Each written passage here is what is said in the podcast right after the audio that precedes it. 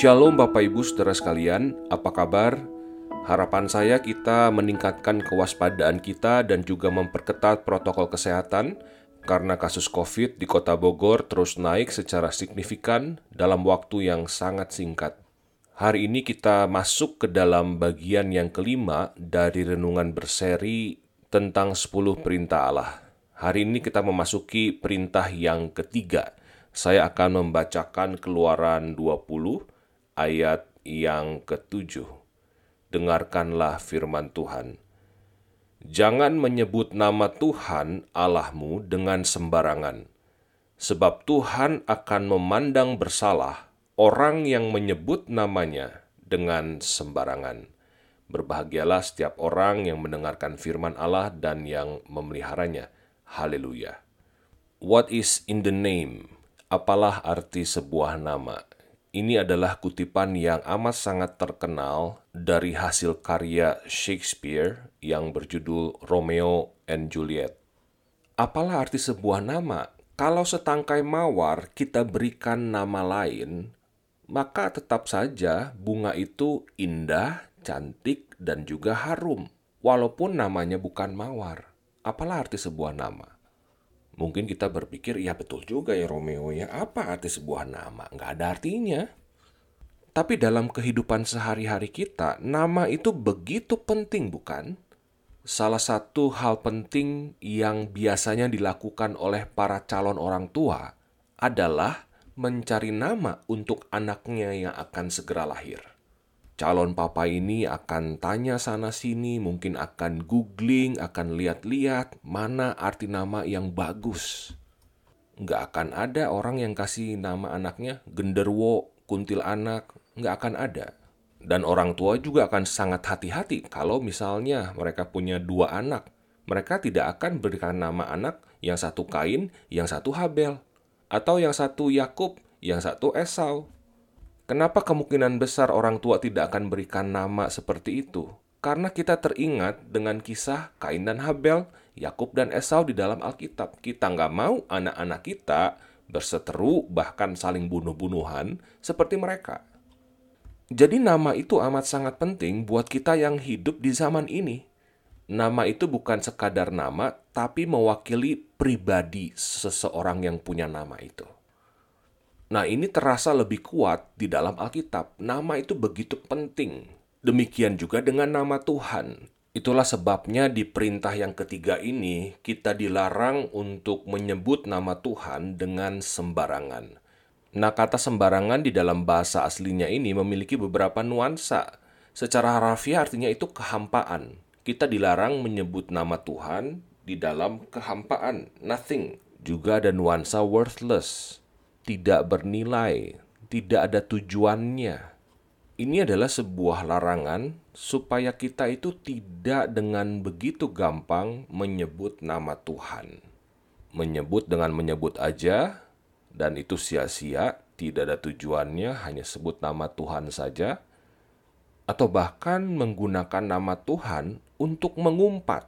Ketika misalnya kita sedang kaget, "Ya Tuhan!" Apa tujuannya kita menyebut nama Tuhan di situ? Atau mungkin lebih kristiani lagi, ya Yesus. Apa tujuannya kita menyebut nama Yesus di sana?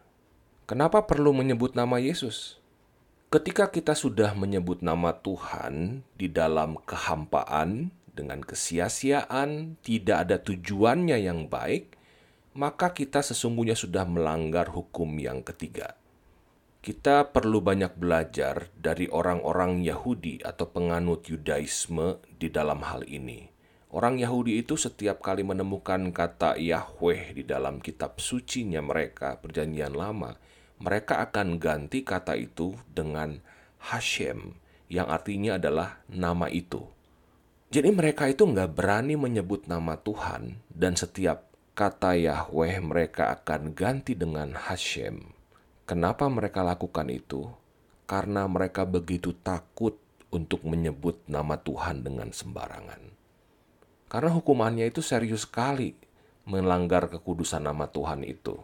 Di Imamat 24 ayat 16 dikatakan bahwa siapa yang menghujat nama Tuhan, pastilah ia dihukum mati dilontari dengan batu oleh seluruh jemaah, baik orang asing maupun orang Israel asli. Bila ia menghujat nama Tuhan, haruslah dihukum mati. Jadi menjaga kekudusan nama Tuhan itu serius sekali. Jangan sembarangan menggunakan nama Tuhan.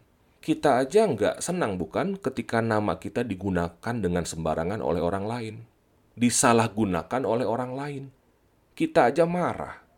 Kalau di konteks Indonesia, penyalahgunaan nama Tuhan juga sering kali dengan menggunakan nama Tuhan untuk bersumpah.